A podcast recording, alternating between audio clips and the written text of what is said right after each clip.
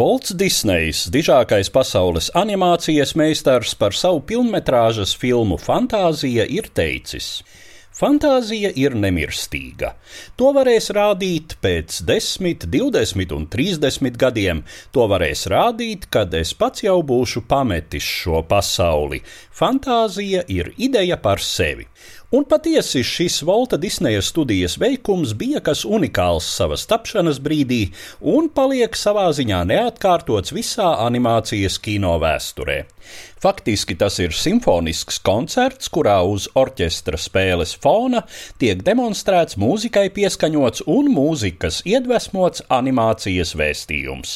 Pirmie skatītāji filmu Fantāzija novērtēja Ņujorkas Brodvejas teātrī 1940. gada 13. novembrī. Klasiskās mūzikas interpretāciju animācijas tēlos Volts Disnejs piekopa jau kopš 1928. gada ar tā dēvētajām Silijas simfonijas, komiskām īsfilmiņām. Taču tad ģeniālajam animatoram radās vēlēšanās paplašināt žanra robežas un radīt filmu, kurā būtu nopietnāks sižets un arī pilnvērtīgs klasiskās mūzikas atskaņojums. Viņa izvēle krita uz franču komponista Paula Dika kā simfonisko poēmu Burvja māceklis, kuras pamatā ir Gētes tāda paša nosaukuma poēma.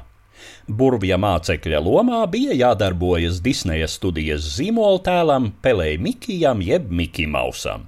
Kādā nejaušā sarunā Disnejs šo ideju atklāja toreizējam Filadelfijas simfoniskā orķestra diriģentam Leopoldam Stokovskim, kuru doma tā ieinteresēja, ka viņš pat piedāvājās diriģēt ierakstu bez atlīdzības. 1938. gada janvārī Holivudā tika ierakstīts burvija mācekļa skaņas celiņš. Tomēr jau visai drīz kļuva skaidrs, ka filmas domājamie ienākumi neseks ražošanas izdevumus. Bet Volts Disnejs nebija tas vīrs, kurš radis atmest savas idejas. Ja ar vienu animētu klasiskās mūzikas gabalu ir par maz, tad animēsim veselu koncertu.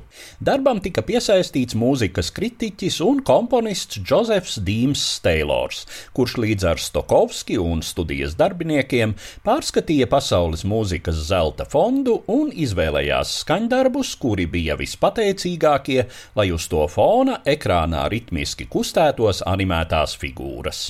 Paralēli notika arī tehnoloģiskās inovācijas inovācijas process. Disneja studijas un kompānijas RCA profesionāļi izveidoja apskaņošanas sistēmu, kam bija jātuvina kinozāles skaņa dzīva orķestra skanējumam. Tā tappa pirmā pilnvērtīgā stereo apskaņošanas sistēma, kas ieguva nosaukumu Fantasound. Pavisam fantāzijas koncertā ir septiņi muzikālie numuri, kurus visus ierakstā diriģē Leopolds Stokovskis, un lielāko daļu atskaņo Filadelfijas simfoniskais orķestris.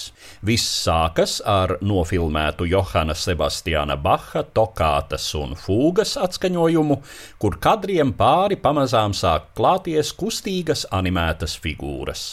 Seko Čaikovska riekstkoža svīta, kas tēlo gada laiku ritējumu, kur dejās griežas ziedi, sēnes, zivis, sniegpārslas un citi dabas elementi.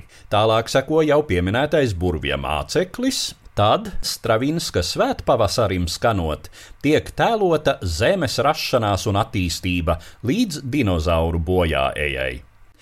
Beethovena pastorālās simfonijas fragmenti aizved skatītāju Eiropas tautu mitoloģijas būtņu dāsni apdzīvotā pasaulē, kur čum un muģ no mīlīgiem kentauriem, fauniem, amoriem, vienradžiem un pegaziem līdz šī ņada pamodina bargo zibeņu meti zebu, kurš iztrankā dzīvotājus ar tuklo Dionīsu priekšgalā.